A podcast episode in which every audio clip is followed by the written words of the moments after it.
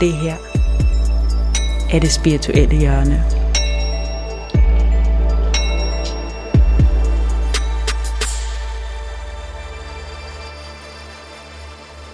Velkommen til dig, Jorden Ørting. Mm, for anden gang. Ja, for anden gang. Du ja. har været med i det spirituelle hjørne før. Ja.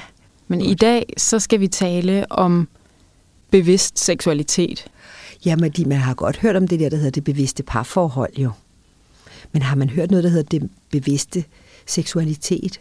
Hvis vi taler om det bevidste parforhold, så er det jo meget omkring netop det der med, at vi ikke bare går i takt og gør det, vores forældre gjorde. Ikke at vi ikke laver pølsefabrikken.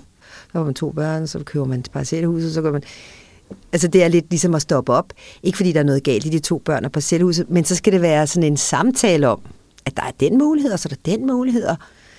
Altså det der med, at man er bevidst om sine valg. Mm. Og det samme er det jo også med seksualitet, at man stiller spørgsmål ja. til hinanden og nysgerrig.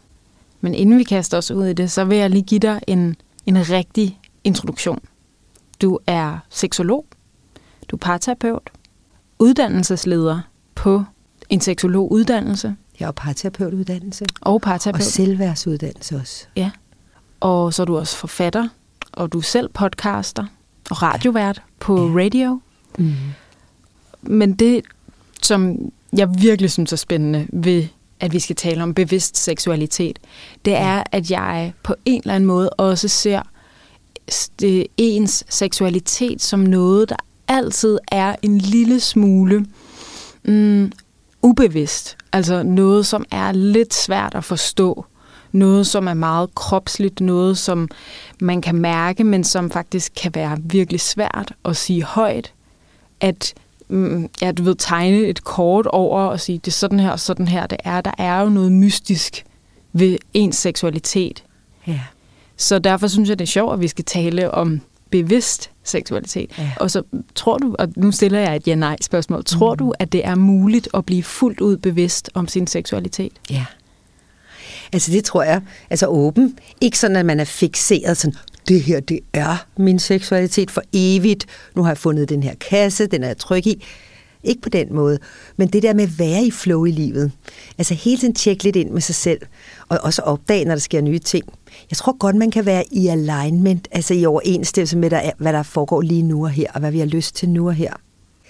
Der er noget, der åbner os til erotik. Altså, hvad er det, der overhovedet gør, at vi har lyst til at, at gå ind og lave det? Mm-hmm. Der er noget, der skal tænde os først til at have lyst til at tage de skridt ind i sengen, ikke? Jo. Så der, og så er der en, identitet, en erotisk identitet inde i sengen. Men først skal vi egentlig også finde ud af, hvad åbner os? Ikke? Hvad, hvad er det overhovedet, der gør, at vi får lyst til at gå dybere i, i det erotiske? Mm. Og det er også individuelt. Og fordi der er jo lidt det der med, at når vi nyder alle sammen den der færgetur fra Gæsser til Rostock på de seks minutter, som danskerne nu gør det på. Og det er en metafor for? Ja, for, for faktisk danskernes sexliv. Den der sexusundersøgelse fra 2019, der viser det sig jo også, at vi gør det på seks minutter, sådan der halv 11, kvart i 11 om aftenen. Altså det hele, hun skal komme, han skal komme. Ja. Og så bliver i værdien jo effektivitet.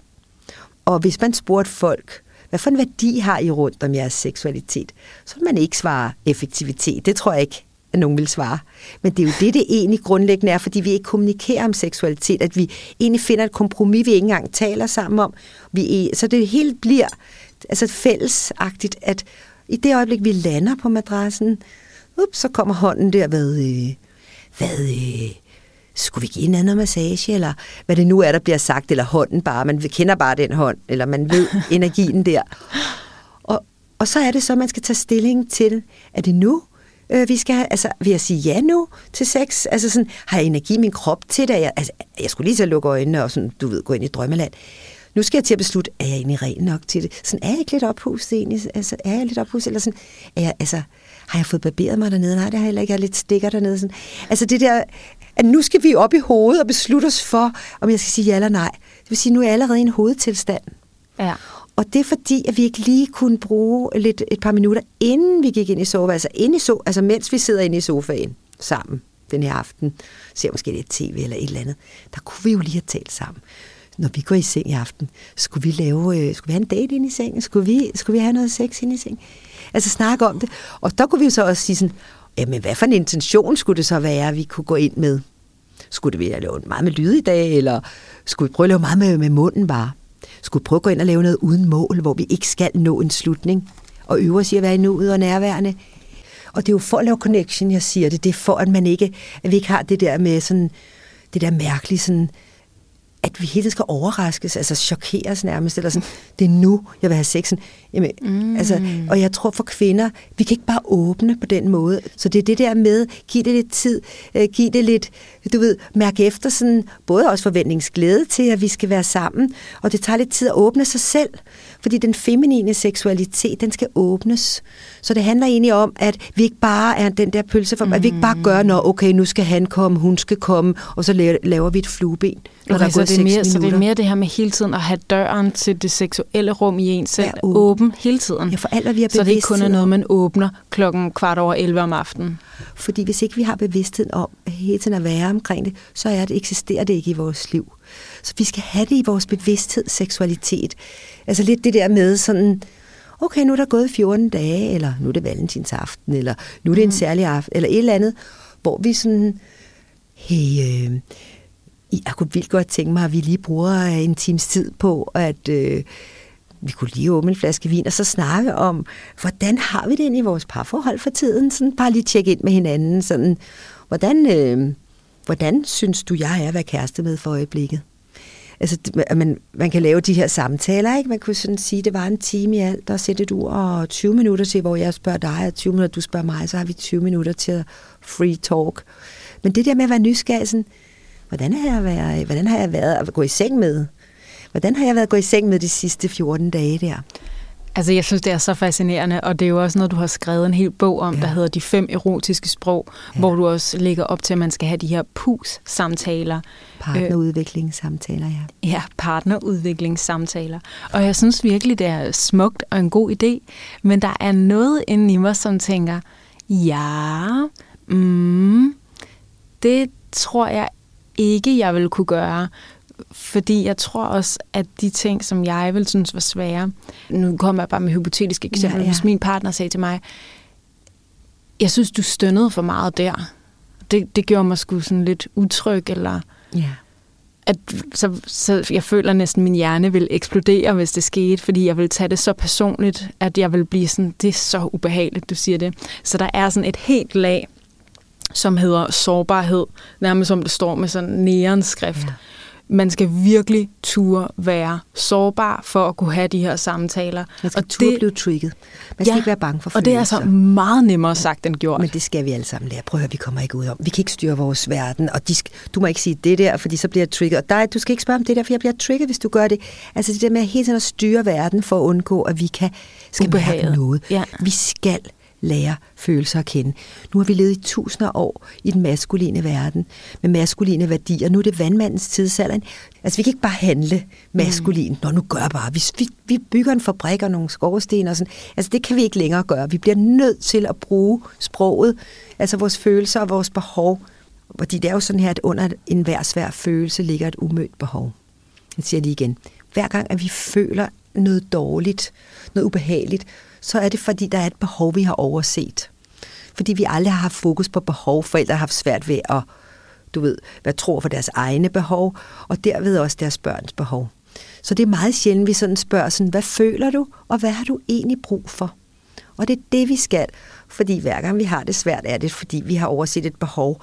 Og er vi tror for vores behov, går vi jo den rette vej i livet. Det er jo, det er jo, vores, det er jo vores vejviser i livet. Det er vores behov.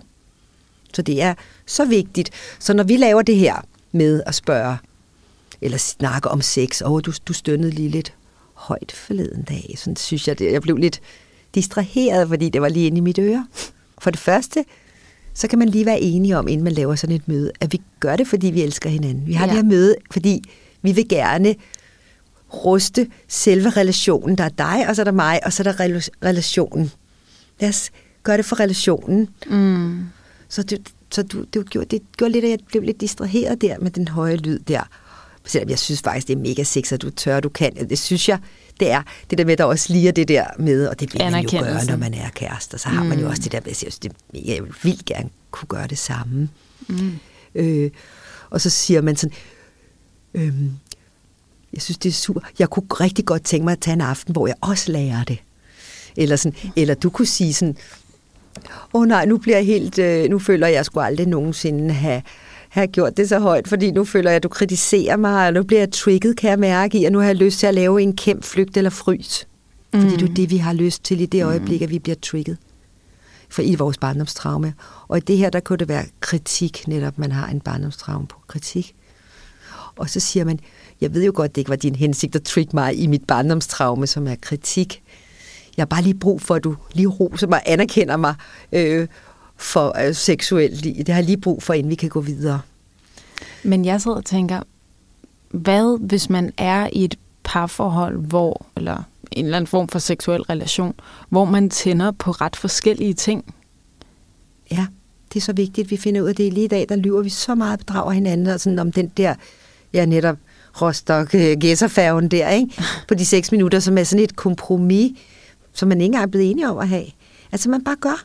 Og, altså det, det er en metafor for penetrationssex i Og det der med, at det har en start, og det har en slutning, og det handler om at komme til sidst. Ikke? Okay, også? Altså, at hun kom når at komme på disse, og han når, ikke? Okay, ja. Altså det er sådan, det er jo der, hvor vi i virkeligheden ender vrede.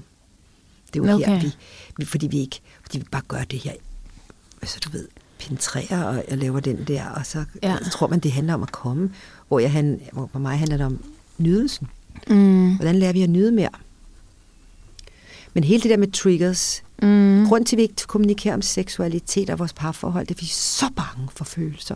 Vi er så bange for at blive trigget i, i de der øh, barndomstraumefølelser. Dem har vi, lad os sige, det er et ord. Lad os sige, vi har omkring en, to eller tre ord, vi kan blive trigget i. Hvad kunne det for eksempel ja, ord, være? det er så eksempel svigt, afvisning, det er klassikerne, øh, forladthed, ikke? Så er der hele det der med, jeg, jeg, bliver ikke, jeg føler mig ikke set, jeg føler mig ikke hørt, jeg føler mig uretfærdig, jeg føler mig sidesat, jeg føler mig krænket, jeg føler mig... Øh, det kunne være, der, der er i hvert fald, jeg har skrevet dem alle sammen i de fem erotiske sprog. Jeg ja. tror, jeg har 50 eller 75 trigger over her, ikke? Ja. Så hvis man finder sine egne ord, så ved man, det er altid de samme ord, man trigger på. Ja, som er ligesom, det, det, det her, det er noget af det værste, der kan ske for mig. For eksempel afvisning. Ja. At man trigger på afvisning. Den er klassisk. Hvad, må jeg spørge, hvad, hvad er dine egne ord? Afvisning også. Min er også afvisning. Det der med et nej, er jeg ikke glad for. Mm-mm. Altså det der, det ved jeg, jeg er sådan en ja-type selv, så det der sådan, ej, det er ikke, ej, ej, det er ikke, uh. Altså sådan, men nu har jeg jo arbejdet med de her triggerord. Det er egentlig, det er egentlig slet ikke så slemt at blive trigget, når man først kender sine triggerord. Man ved, det er en barndomsting. Og man siger, hov, nu blev jeg lige trigget i den der afvisning, så jeg har der. Lige inden vi fortsætter, så har jeg lige brug for, at øh, du lige... Øh, altså kommer man med sit behov. Ja. Jeg ved godt, det er din hensigt. Siger vi også lige, jeg ved godt, det var ikke det, du ville sådan ja. afvise mig lige nu, eller sådan for mig, for det, for det aktiveret i mig. Det skete bare lige. Jeg har bare lige brug for, inden vi går videre, så jeg kan være nærværende, at, at du lige fortæller mig, at du, du vælger mig, og ikke afviser mig, ah. men er vild med mig. Ikke? Så man siger, åh, oh, der ramte du altså lige det ømme punkt hos mig. Som er, og lige fortælle, hvad det er, ikke? så man er klar over, når det var den der svigt igen. Ja. Eller den der afvisning igen, eller den der forladthedsfølelse igen, eller den der uretfærdighedstrigger, man var røget ind i. Men det er fordi, jeg faktisk også sidder og tænker, at dybest set, de der, ja. den der sårbarhed, det er nok bare det, den er meget, lad os sige, præsent i et parforhold. Ja, fordi vi fin. kan godt alt det, vi frygter allermest, at blive afvist og få kritik, alle de der ting, kan godt ske, og det sker faktisk tit i ja, parforhold. Ja, det, det, skal det, det skal ske, fordi ellers vil der ikke være nogen forelskelse. Ja. Men det er fordi, jeg tænker sådan, man kan jo ikke få en garanti, men jeg har brug for, at du siger det her til mig, men det kan man jo ikke bare sådan det vil under alle opstå der, hvor man er, bliver, når man bliver forelsket i en, sådan, så vil der komme sådan nogle øjeblikke, hvor vi sådan misforstår hinanden, eller der sker et eller andet, hvor man bliver tri- hvor man trigger, ikke? Jo, så der er, der er virkelig noget ubehag forbundet med det. Ja, men det behøver ikke være så ubehageligt alligevel mere. Altså sådan, det er det er så smukt, at man kan sådan, ej, der blev jeg lige ramt i det der og sådan noget. Jeg ved mm. godt, det ikke var det, det handlede om overhovedet. Jeg var lige brug for at. Altså, jeg synes, det er sådan, det er så fint. Og at vi skal være sårbare i vores parforhold, det er jo ikke, altså, ellers er vi slet ikke spændende at være sammen med jo. Mm. jo sårbarheden er jo utrolig interessant og spændende, ikke? Og sand, ærlig. Mm. Det så ved man, det betyder noget jo, ikke? Mm. Jamen også, jeg har jo haft kæreste i halvandet år. Og øh, til at starte med, øh, da jeg mødte ham, der havde jeg, jeg, har ikke haft, øh, hvad det, jeg har ikke haft nogen kæreste i seks et halvt år, øh, siden min siden min skilsmisse fra Karsten, i, der var vi sammen i 15 år, så mødte jeg, havde jeg lige et, havde lige et halvt år med en eks gammel elsker. Mm. Men det var bare en halvt år, ellers har jeg ikke været sammen med nogen. Og, øhm, Hvor længe var du gift med Karsten? 15 år, ja. ja. Og I boede sammen og der havde jeg så et år, hvor jeg var sammen med en anden. Altså, mens jeg var sammen med Karsten og gift med ham, så havde ja. jeg faktisk en elsker også, udover okay. mit ægteskab. Wow. En tantra-gut i et år. Mm. Så det prøvede jeg lige at være sådan... Øh, der vil jeg lave noget andet i dag. Ja. Der har jeg lært noget af det. Ikke? Man lærer jo noget af det hele ved erfaringer. Ikke? Når vi jo. har erfaringer, så kan vi skælne ja. mellem, hvad der er godt og skidt. Ikke? Hvad vil du have gjort anderledes i dag? Altså i, i forhold til hvad? I forhold til det der med at have en tantrapartner uden for dit ægteskab? Der vil jeg foreslå for eksempel Carsten, han ham jeg var gift med, vil vi gå på det sammen. Ja. Ikke også i stedet for jeg, fordi det var min seksualitet, det tantriske, som jeg havde sat til side. Mm, men hvad hvis han så siger, det er jeg bare overhovedet ikke interesseret i? Ja, det kunne Det, det tænder mig bare slet ikke. Det gør mig, det er faktisk så ja. kedeligt for mig ja. at tale eller prøve tantra, så det vil jeg ikke. Hvad, hvad kunne du så gøre? Ja, hvis man sagde det der med det der kursus og sådan mm. noget, ikke? Altså først og fremmest ville jeg vide, at jeg havde valgt det her parforhold ud fra behov og ikke for lyst. Øh, det betyder, det skal vi alle sammen lige spørge os selv om, har vi et parforhold ud af behov eller lyst og leg? Fordi behov, det er sådan noget med, at han skal, ham her, han skal gøre mig til, øh, han skal bygge og bo med mig, vi skal have en familie, eller vi skal, jeg skal ikke være alene, eller han skal, han skal vælge mig, jeg har behov for at blive valgt og blive gift, er der en, der går på knæ for mig, ikke? eller jeg har behov for, at han elsker mig, som ikke kan elske mig selv. Mm. Du ved, der er behovsforhold, og så er der lystforhold. Og Karsten, der er ikke noget galt i behovforhold, men Karsten, øh, som jeg var gift med, der havde jeg store behov lige inden jeg mødte ham. Sådan, jeg havde lige været færdig med seksologuddannelse, jeg havde været i Holland og lavet en vilde uddannelse. Ja, så nu havde jeg brug for han partner, en, en rigtig voksen mand, der sådan kunne bygge og bo, kun en hel masse med sine hænder og sådan noget, og, og var klog. Jeg har brug for sådan en mand som modspil, sådan så jeg kunne blive en dygtig seksolog, og jeg kunne spørge ham, hvorfor øh, ser man porno, eller hvad for mænd ud af analsex, eller hvad for, du ved, sådan en klog mand, der også kunne, kunne bygge og bo. Mm. Og så mødte jeg Karsten, og, og, øh, og hvad var så prisen, kan man sige?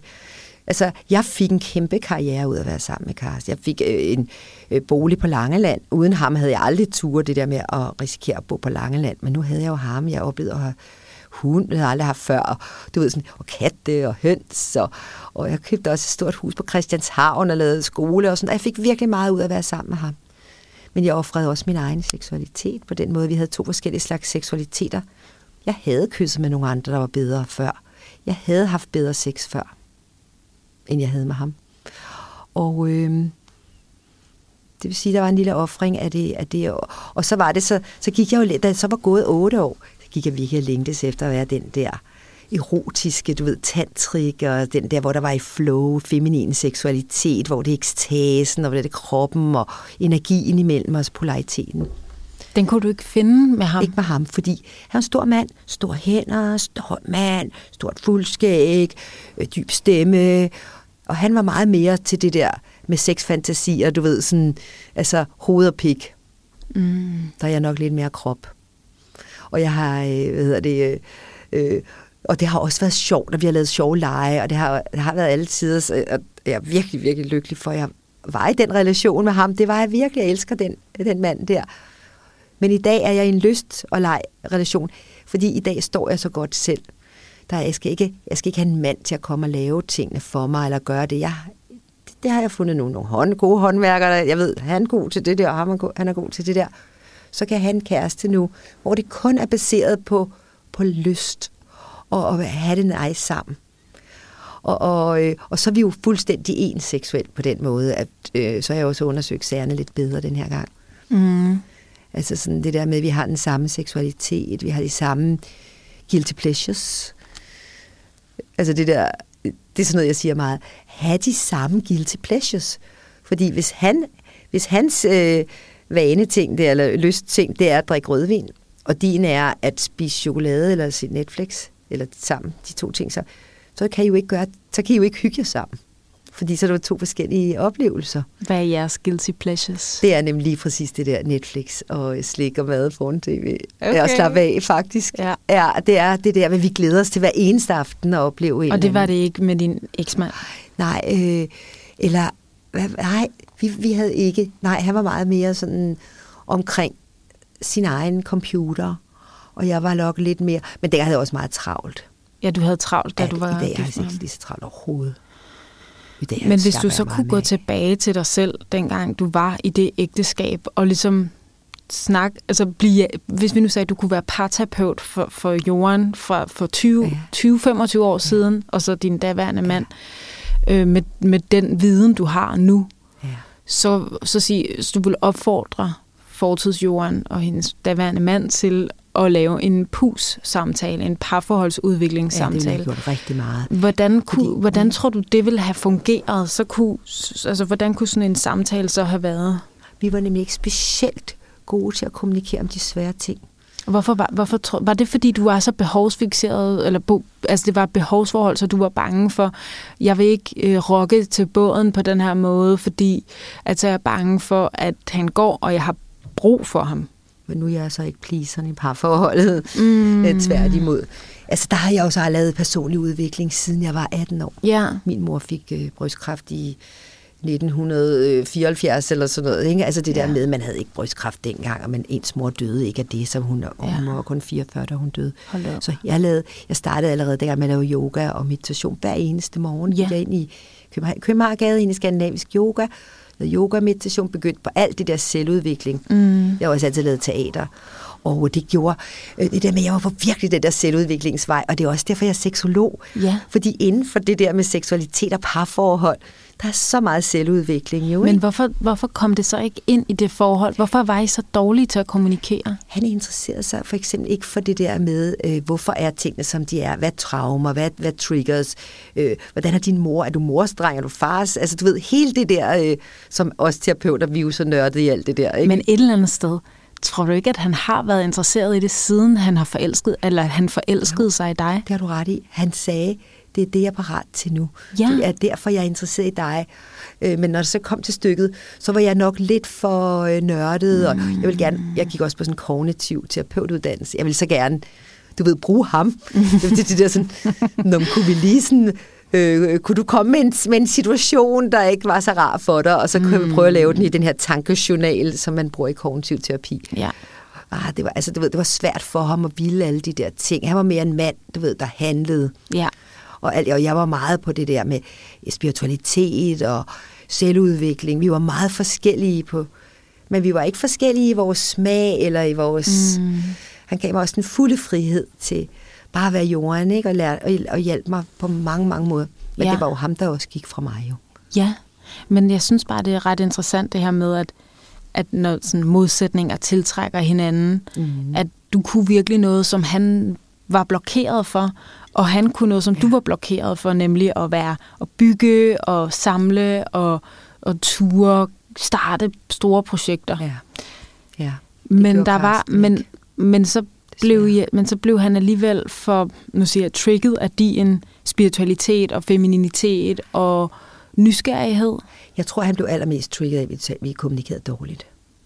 Altså, det er jo, når, når kommunikationen er dårlig. Men hvorfor det kommunikerede I hele dårligt, når du alligevel, når du var så nysgerrig på Fordi ham? jeg tror, at øh, man kan slet ikke forudse fremtiden, når man mødes. Mm. Det var jo virkelig skønt til at starte med. Og sådan noget. Ja. Men så det der med, at jeg fik så stor en karriere. Nå. Og vi boede på Langeland, og jeg kunne dårligt nok køre bil. Altså, jeg tog først kørekort, da jeg var 38. Sådan, jeg havde ikke rigtig haft en bil. Og sådan. Det skulle jeg også lige lære, Karsten, at køre øh, bil igen. Og sådan.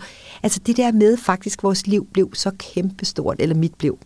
Mm. Jeg var brevkasseredaktør. Jeg var lavet øh, fjernsyn. TV, jeg ja, lavede, ja. øh, lavede en skole. Jeg, er du gal, jeg havde travlt. Og ude at lave masser af foredrag og ligge der på motorvejen om aftenen. Ikke? Ja, og skrive bøger. Ja. Ja, og for mm. ham, han, det, det samme skete ikke for ham. Så det er jo også lidt vildt. Altså, du ved, man kan godt kalde det ubalance i parforholdet. Mm, så du synes faktisk ikke, han var så spændende mere? Jo, jeg synes, Marcus er meget, meget spændende også den dag i dag, selvom jeg ikke ser ham. Han, øh, jeg tror, han fik nok af mig. Altså, jeg- han fik nok af, at det var mig, der havde så meget at lave. Og, altså, det, var, det er jo ubalanceret. Ja. Altså, at vi ikke var lige. Og jeg, jeg skulle jo have fuldstændig sagt, nu tager jeg lige tre dage, der hedder Karsten. Ja. Altså, hvis, altså, jeg skulle simpelthen have hele tiden arbejdet med ligeværd. Ja. Altså hele tiden. Når nu har jeg brugt tre dage på arbejde, så bruger jeg tre dage med Karsten. Altså du ved, sådan, jeg, skulle have gjort, jeg har lært så meget af det her ægteskab. Ja. Og jeg skrev, har jo skrevet det hele til ham sendt det. Undskyld, at jeg, jeg ikke gav dig plads nok. Jeg ikke var nok ude på værkstedet. Mm. Altså undskyld, jeg ikke stillet nok spørgsmål til dig i dit liv, og jeg ikke gjorde det og det. Altså, øh, Ja. man lærer jo så meget. Der er jo guld i krisen, som jeg kalder det, ikke? Jo. guld i kriserne, ikke også? Og de er så gode, de guldklumper. Jeg har lært enormt meget, og især at være alene i, i seks og et halvt år derefter, og virkelig balanceret mig selv, og fundet ud af, hvem jeg er, og hvad, hvad spiser jeg, når jeg er alene, og, eller hvad tid går jeg, man i seng, eller hvad hygger man sig med, og hvad laver man egentlig, når man er alene, ikke? og bor på landet. Og, altså, jeg synes, det har været sådan nogle gode år, de der seks og et halvt år her. Og havde, mærkede du din seksualitet altså i de år, eller var den lidt i dvale? Ja, den var lidt i dvale. Altså først så græd jeg i to-tre år jo. Det tog mig lige i hvert fald en tre år at komme over det. Det er jo også fordi, vi aldrig helt fik healet, Karsten og jeg, fordi han blev gift med det samme også. Han fandt Ja. med det samme en, så du ved, bup, så var han væk Ja, i en og ny videre. familie med nogle nye Mm. børn, ja, med børn og sådan noget. Ja, videre. Han, har- han har ikke kigget sig tilbage. Og, og jeg har været sådan lidt, åh, det er så det, jeg kan fortryde lidt i dag, at jeg har været sådan, åh, skal vi ikke mødes, Karsten, ikke? Mm. I, i dag skulle jeg, i dag, så det skulle jeg ikke. Altså, i dag skulle jeg bare have lavet den, øh, så er jeg sikker på, at det havde været lettere. Og bare have sluppet ham? Ja, Eller så ikke havde, bare. han, så havde han sikkert ringet en dag, hvis jeg havde ikke løbet efter ham, ikke? Nå. Agtig. Sådan med flinkhed. Du ved, jeg please Ja, lidt der, der. Så ja. blev jeg lidt ængstelig ambivalent, da, da han tog afsted. Sådan, åh, connection-lysten. Ja. Åh nej, Carsten, går du nu? Åh nej. Ja, fordi han var også en tryghed for ja, dig. Kæmpe. kæmpe Så der var også tryghed. noget, du skulle virkelig lære at integrere den del af dig selv, som kunne tage ansvar for din bolig, tage ansvar Ja. for din virksomhed. Ja, og have ro på. Han er rolig. Mm. Han er en rolig mand. Han har jo den der dybe stemme og ro. Sådan, han hedder Carsten Isington. Mange kender ham. Måske han er historiefortæller. Han er ude på de danske scener, histerpister her. Altså, han har har været rigtig meget i radioen og sådan noget. Men han, ja, han er rolig, og jeg har jo lært at slappe af. Altså, det er jo det, jeg har integreret. Altså, det der med, hvorfor er det, vi mødes øh, mennesker? Hvorfor er der to, der mødes, ikke? Jeg mødte ham, fordi jeg skulle lære at slappe af. Og så også den der indre, dybde, indre ro. Den har han. Den fik jeg, har jeg fået nu. Men jeg er alligevel nysgerrig på det her med, hvis vi nu sagde, at den vise jorden, jeg sidder foran i dag, hun kunne tage tilbage og være parterapeut for, for, lad os sige, 25 år siden. Passer det ikke meget godt? Sådan, det var sådan meget godt inde i jeres ægteskab. Jeg, jeg tog, vi mødte hinanden i 2001. Vi Men-. Men vil du så virkelig sige til den jorden, som havde så meget gang i sin karriere og sommerfugle i maven og var i gang med at bygge det her op og sige, det skal du lige skrue ned for, og så skal du være tre dage hjemme sammen med ham. Tror du ikke, det ville være rimelig umuligt for jorden dengang? Fordi at du ved, der var så meget lyst i at udfolde dig selv, så, du, så det der med bare at skulle tage tid til at kigge på din mand, det vil måske være sådan lidt, ah, Han ville sikkert kede sig før mig. Men, øh, eller tage ham mere ind i virksomheden, ikke? Altså sådan det der med, hvad lige være. Altså du ved, mm. hvad mere at connecte omkring. Vi havde okay. Vores hund og kat og dyr, vores sted på Langeland og sådan noget, ikke? Og han var meget praktisk og hjulpet mig virkelig meget. Men alligevel, altså være lidt, have det der fællesskab, sådan, det har jeg i dag med min kæreste i dag. Vi er meget mere sådan Ja. fælles og, Ja. og interesserer os. Han interesserer sig også meget for vild og vildt derude. Altså du ved, han hjælper mig også der. Men tror du, det vil, for eksempel hvis du så havde sagt til, hvis I så skulle have evalueret jeres sexliv, og du så sagde til Karsten, vores sexliv den her uge, øhm, og lad os så sige, at det havde været sådan en uge, hvor I havde haft sex, og der havde været noget, og så sagde du, jeg føler ikke, at det var, der var tid nok til mig, og du var nysgerrig nok på mig. Altså, tror du, den samtale vil være realistisk? Hvad tror du så, han vil have svaret? Altså, jeg vil gerne have den samtale, fordi så kommer en sårbarhed frem, kan jeg høre. Det kunne være smukt at se. Altså det der, øh, det der fordi sådan, du ved, det er jo lidt det der med mand, det er lidt spændende med det der lidt ældre med, han er jo i dag snart 70 år, sådan også lidt det der mm. lidt ga- gammeldags maskuline på en eller anden måde, sådan lidt, om det er alt okay. Mm. Altså, det er okay. Og så er jeg sådan tit sådan, er der nogle andre ord for okay? Altså, kunne der være, for jeg er ikke helt sikker på, okay er det rigtige ord her. Altså, det der, om det er godt, det er fint, det er godt. Altså, ikke rode rundt i noget, der er ingen grund til at lave konflikt her, eller du ved. Altså nu er jeg jo ikke en 70-årig mand, men jeg vil så sige, jeg tror faktisk godt selv, jeg kunne have været, jeg kunne være på den måde. Og det, jeg synes bare, det er interessant, for jeg synes, de her samtaler, jeg synes, det er en virkelig god idé, men jeg ja. synes også i praksis, at der er et eller andet, som bare er helt vildt svært, fordi det nemlig ja, det. kræver, at man er klar til virkelig at ændre nogle ret grundlæggende ting i ens måde at være på. Ja, men man vil jo gerne den her relation, og man har jo ikke prøvet den før, eller man aner ikke, hvad der sker i fremtiden. Så, så først og fremmest, når man får den her relation, som jo også handler om bevidsthed, øh, det er jo det der med, hvad er det egentlig for nogle værdier, vi har? Altså, skulle vi prøve at finde ud af dem?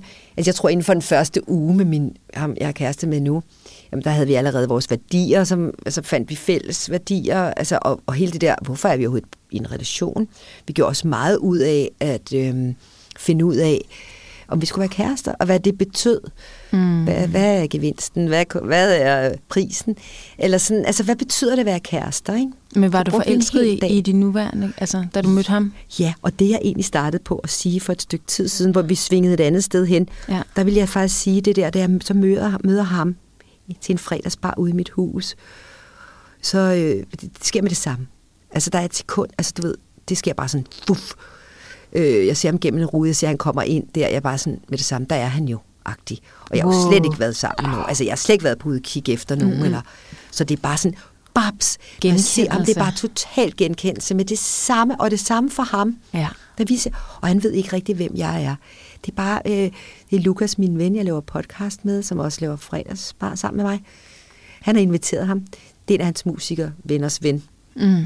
Så han ved ikke, han ved ikke, ikke rigtig, hvem jeg er, og, og sådan noget. Og det er jo fantastisk, at det er på den måde. Så med det samme, så vi sådan, uh, man går lidt fra hinanden, eller du ved, siger, jeg siger bare lige sådan, nej, var det dejligt, og så kommer sådan nogle spændende gæster i aften, ikke? Og så, sådan, så går han der ved baren, hvor han har sine venner, og der går lidt tid og sådan noget. Så går jeg faktisk hen ved baren der, hvor han nu er inde i baren sammen med min kammerat. Så siger jeg faktisk, hvad har du lyst til? Skulle I tænde Altså, har du lyst til at danse? Det spørger jeg faktisk om. Det lyder jo simpelthen så gammeldags, ikke også? Men altså, og der var han sådan, altså afviste mig faktisk. Han sagde sådan, det er nok ikke lige the finest, eller sådan, altså, så er jeg bedre til at synge, sagde han. Så siger jeg, men hvis du alligevel skulle bevæge dig lidt til noget, hvad skulle det så være? Så jeg holder ikke op der. Jeg lader mig ikke afvise faktisk, vel? Fordi jeg Som kan også godt mærke... er dit faktisk måske også dit trigger, fordi ja. du er selv en ja-hat. Men jeg følte mig ikke afvist. Okay. For jeg kunne mærke ham jo, jeg kunne mærke hans mm, interesse. Okay. Og så siger han sådan, så kunne det være lidt Michael Jackson. Og, sådan. Og så løber jeg ind til DJ'en der, sådan, og så, så går der lidt tid, og så glemmer vi alt om det, og så er den der lige pludselig, den der. Michael Jackson-sangen. Ja, og så er det sådan, så, så øh, Rune, min kæreste, han er sådan, jeg må, nu kan han høre den, og jeg er et andet sted, sådan, men så må han sådan gå ind på gulvet alene, sådan, øh, indtil jeg sådan også hører, gud, det er det nu, ikke? Og så ind på gulvet. Og så faktisk derfra, så begynder vi at stå sammen. Altså virkelig mærke hinandens krop og hjerteslag og sådan. Altså der har vi den allerede. Altså den er så tydelig. Og, øhm, og, vi laver så ikke, øh, vi, vi så kysser lidt en lille smule, men hvor han faktisk siger, jeg er lidt nær med min tunge, siger han så. Og siger sådan, ej, hvor godt du siger det der. Ej, hvor er det stort at sige det. Det er også nemlig. Altså hele det der med, så ved jeg, at han kysser jo ikke hvem som helst. Og, og det der med, at han tager tingene alvorligt og sådan, ikke? Og, og allerede i vores første samtale, der er vi allerede bare sådan, ham, ja, ja, ja, ja, det hele, ikke? Okay, men det viser jo også noget om, at han er god til at sætte ord på, når han direkte med ord kan sige, ja. jeg er ikke så meget til at bruge min tunge. Er det nær i midten ind til at finde, om det er den rette, ikke? og så øh, laver vi sådan en date øh, en uge efter, og, og, og er der sådan. Og så går vi lidt, så går vi op på mit værelse, sådan, og så vi, går vi lidt i gang og sådan noget. Fordi du har et værelse der, hvor I holder fredagsbar? Ja, nemlig. Og, vi, og, sådan, og, jeg, og jeg, jeg, jeg har vildt lyst og sådan noget. Men jeg kan ikke åbne det. Altså, jeg, jeg har ikke nogen... Det er ligesom, jeg er bare lukket nede for neden der. Og, øhm, altså, hvordan? Ja, sådan, altså, der kan ikke komme pick-up. Og det er fordi, fordi det er flere år siden, du har haft sex. Du har slet ikke... Ja, det er faktisk kun to år siden, jeg har haft sex på det tidspunkt, fordi der har jeg jo haft en elsker i ja. et halvt år, som er okay. min gamle elsker. Ja, men to år er stadig noget tid. Jamen, man går ikke sammen dernede. nej, nej. Det er ikke det, der er tingen. Nej, nej. Ja, det er nemlig, at, øh, at, øh, at ikke før mit hjerte, fordi det skete nogle gange, altså det, du ved, til at starte med de første to-tre gange, vi mødtes, der, der, der var kun en lille smule, men ikke sådan, man kunne ikke sådan åbne rigtigt. Først af mit hjerte, du ved, så start, talte mig i telefon, mig fra Langeland, ham fra øh, København, Og så gik og græd. Jeg sådan, nej, jeg er ved at blive afhængig af dig, eller ej, jeg kan bare mærke sådan, wow, du betyder så meget, og mit hjerte smelter. Og først da jeg ligesom lod mit hjerte smelte, så var der fuldstændig fri adgang. Men ikke før. Så mit hjerte og min vagina hænger jo virkelig meget sammen. Og det Men hvordan var det, I lå og sådan kyssede og var ret intime? Jeg var nøgne. Og, okay. Ja. Og så, så sagde du, de, hvad sagde du så til ham? Nej, vi, vi, vi øh, ved det, han mærkede det godt, sådan, nej, det var ikke lige den der, den var ikke bare lige sådan helt til, og, og eller sådan... Okay, altså, så I prøvede også? Vi prøvede lidt, ah, ja, sådan okay, okay, okay. uden egentlig helt at sige øh, noget om det. Det var fint nok, det der foregik, det var ret stort, det der foregik okay. i forvejen, det var nok. Okay, på den no. Okay, så det var faktisk rent fysisk, at din krop simpelthen ikke åbnede sig. Okay, nu forstår jeg. Jeg skulle have sjælen med. Altså det der med at slowly, slowly nu, lad være med at have for hast noget, få dig helt med, sådan, så det, hver eneste, fra hver eneste kys, er du 100% der, ikke? I så var bare sådan, skynde sig at gøre noget, altså præstere. Mm. Der bliver jeg nødt til at være connected, både til mig selv og åbenbart og til ham. Så connection er jo også min tændingsknap. Mm. Altså øjenkontakt. Her er vi nu. Vi sidder her. Ja, men også gennem telefonen. Ja gennem telefonen og kunne connecte i lang tid, tale længe. Mm. Ikke? Altså, kunne vi ikke connecte gennem telefonen? Det kan man jo godt. Og så er det jo bare så dejligt, når man, så, øh, når det så, når man har sig selv med, og det hele bare spiller, ikke? Hvordan var det i de seks et halvt år, og så hvis vi bare siger minus ham, du så var kærester med et halvt år, ja. hvor du var sådan lidt havde, hvor din seksualitet var lidt i dvale. Ja. Hvordan var det at arbejde og med seksualitet alligevel, for det er jo dit erhverv, du er uddannelsesleder, du er forfatter. Var det anderledes at arbejde med det dengang, end det er i dag, hvor det virker som om din seksualitet ikke er et dvale? På en måde har jeg forsket de der år, mens jeg har været alene. Ja. Altså det har faktisk været meget rart at se tingene udefra. Altså, det er selvfølgelig absurd nogle gange, at man er alene selv. Jeg har så mm. nogle dage, for eksempel på min parterapeutuddannelse, hvor de har deres partner med. Og der har jeg jo faktisk parterapi for et helt, altså en helt sag. Eller sådan, mm. De er jo mange mennesker, når de bliver dobblet op, så er der 40 mennesker i salen. Ikke? Og det der med faktisk at køre en helt formiddag, hvor de taler sådan, hvor jeg kører den, hvad de skal tale om, hvad de skal spørge hinanden om, hvad de så skal gøre, og, og det er da også absurd nogle gange. Jeg tænker, de, alle dem, der er herinde, de har kærester, undtagen mig, der er lærerinde, ikke? Mm. Der, der, der kører det hele, øh, og skaber et godt forhold for dem men det har ikke gjort mig. Altså det, det er egentlig har været dejligt at kunne se, at jeg har haft motivation øh, til at, at lave de der, øh, du ved, for folk til at have gode parforhold og sexliv, trods det, jeg ikke selv havde det. Altså jeg er glad for, at jeg stadigvæk havde den der store motivation til det, og også skrevet bøger i, i mellemtiden jo. Mm. Jeg har mhm. alligevel skrevet to bøger, øh, mens jeg har været single, om sex. Ja. Og, og, og, fordi jeg kan se udefra nu. Du kan altså, se det er ligesom, udefra det er meget, nogle gange er det meget rart, det der med at ikke selv have børn, når man er pædagog, for eksempel. altså man kan se noget andet, man er ikke sådan virvlet ind i en eller anden, mænd er også typisk mænd og sådan noget. Ikke? Det er meget rart det der med, at man egentlig er helt free. Altså du har tilgivet sig selv og sine ekser, og ja.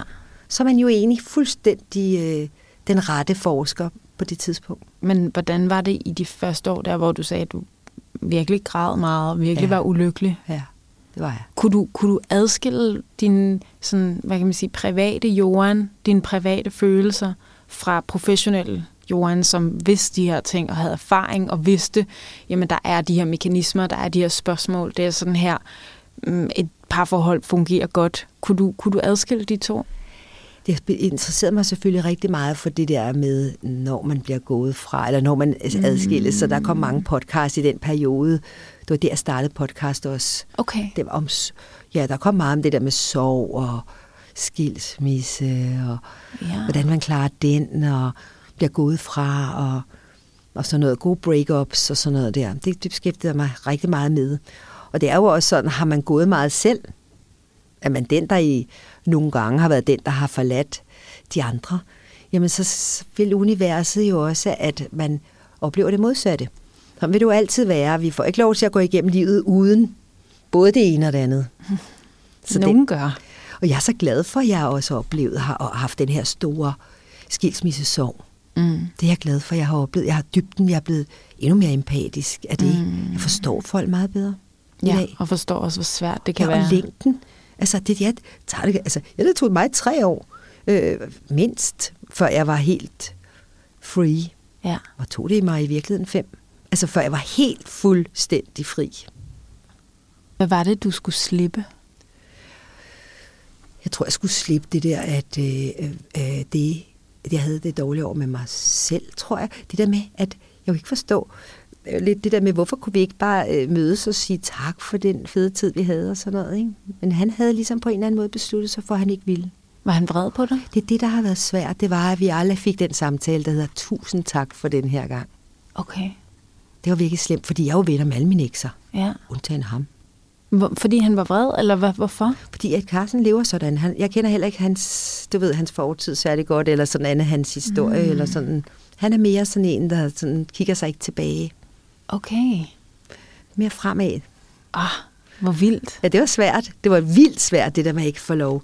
Men det er jo også en del af det der, at så må man hele det selv. Mm, jeg det er ikke tænker altid, man får det der lykke. Nej, lykke nej. øjeblik, hvor man sådan, tak skal du have, du var virkelig dejligt at være kæreste med dig. Og Ja, og jeg tænker også den der smerte i, sådan, det var ikke sådan her, det skulle være. Det kan jeg i hvert fald genkende fra mit eget liv.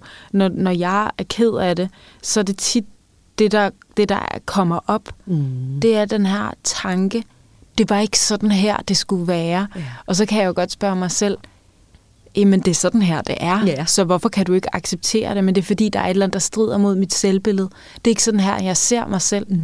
Så jeg ved ikke, om, det også har, om du har oplevet det på samme måde, nemlig, det er ikke sådan her, jeg er. Ja. Det er ikke sådan her, mit liv skulle være. Jeg er seksolog, jeg er parterapeut. Ja. Jeg bliver ikke gået fra. Mm.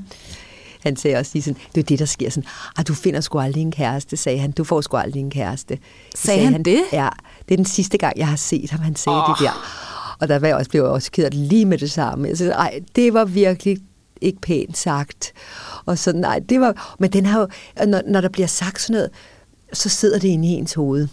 Altså, hvad har jeg gjort? Oh, Gud. Gud, jeg må, så, og, siden, og i det hele taget blevet gået fra, det der sådan, ej, så må jeg jo være, ej, er jeg virkelig sådan en, man går fra? Eller sådan, ja, netop den der sådan, Gud, har jeg været, altså, hvad, altså, har jeg været så ulidelig? Eller, altså, Men apropos, jo, og apropos det med at være sårbar, du har virkelig været sårbar over for ham, fordi det kan man jo ikke rigtig undgå at være, når man er sammen i 15 år. Man åbner sig, man udvikler sig, man spørger hinanden til råds. Så når sådan en person siger det til en, så det går det jo lige ind Ja. der, hvor det gør ondt. Ja. Så, så det er også det, jeg mener med, der er også noget grusomt ved, når man er sårbar. Og det, jeg synes, der er så smukt ved alt det, du har siddet og fortalt, det er, du har tur elske igen, du har tur være sårbar igen, du er blevet sådan, ja, jeg gør det, og jeg kan godt tåle, at det gør sindssygt ondt. Det er meget bedre at være sårbar, end at være vred. For ved du hvad, de sidste par år af vores parforhold, der var jeg ikke sårbar. Der græd jeg næsten ikke de Ja, sidste par år. Det det var, det. det var næsten det vemmeligste. Og hvor bliver man grim, når man er vred? Altså den der, mm. og så har man den lille lunde Hård, der, og sådan, ja. ja. hård. Og det der med, altså, altså man, man, der er man ikke den, der siger, prøv at høre, vi deler retten. Eller vi deler skylden.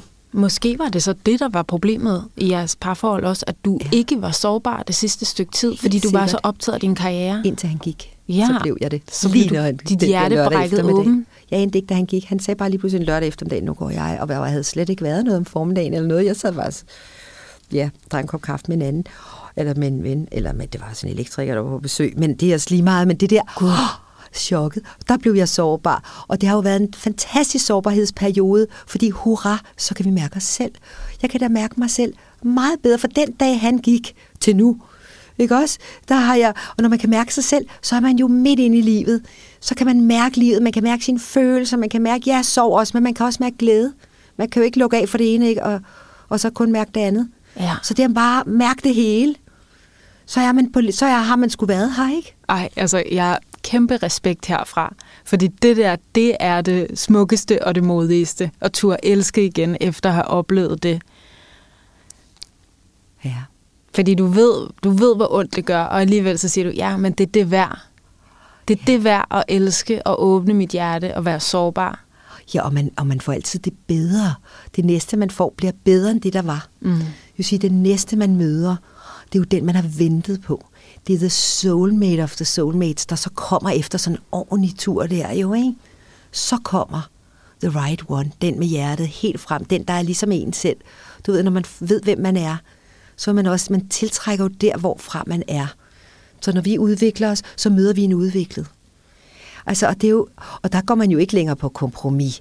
Øh, du ved, når man, nu kan man godt give sig selv de behov, man har, stort set. Det er jo ikke også, mm. altså du ved, tjene sine penge, bo alene, ja. have sine venner.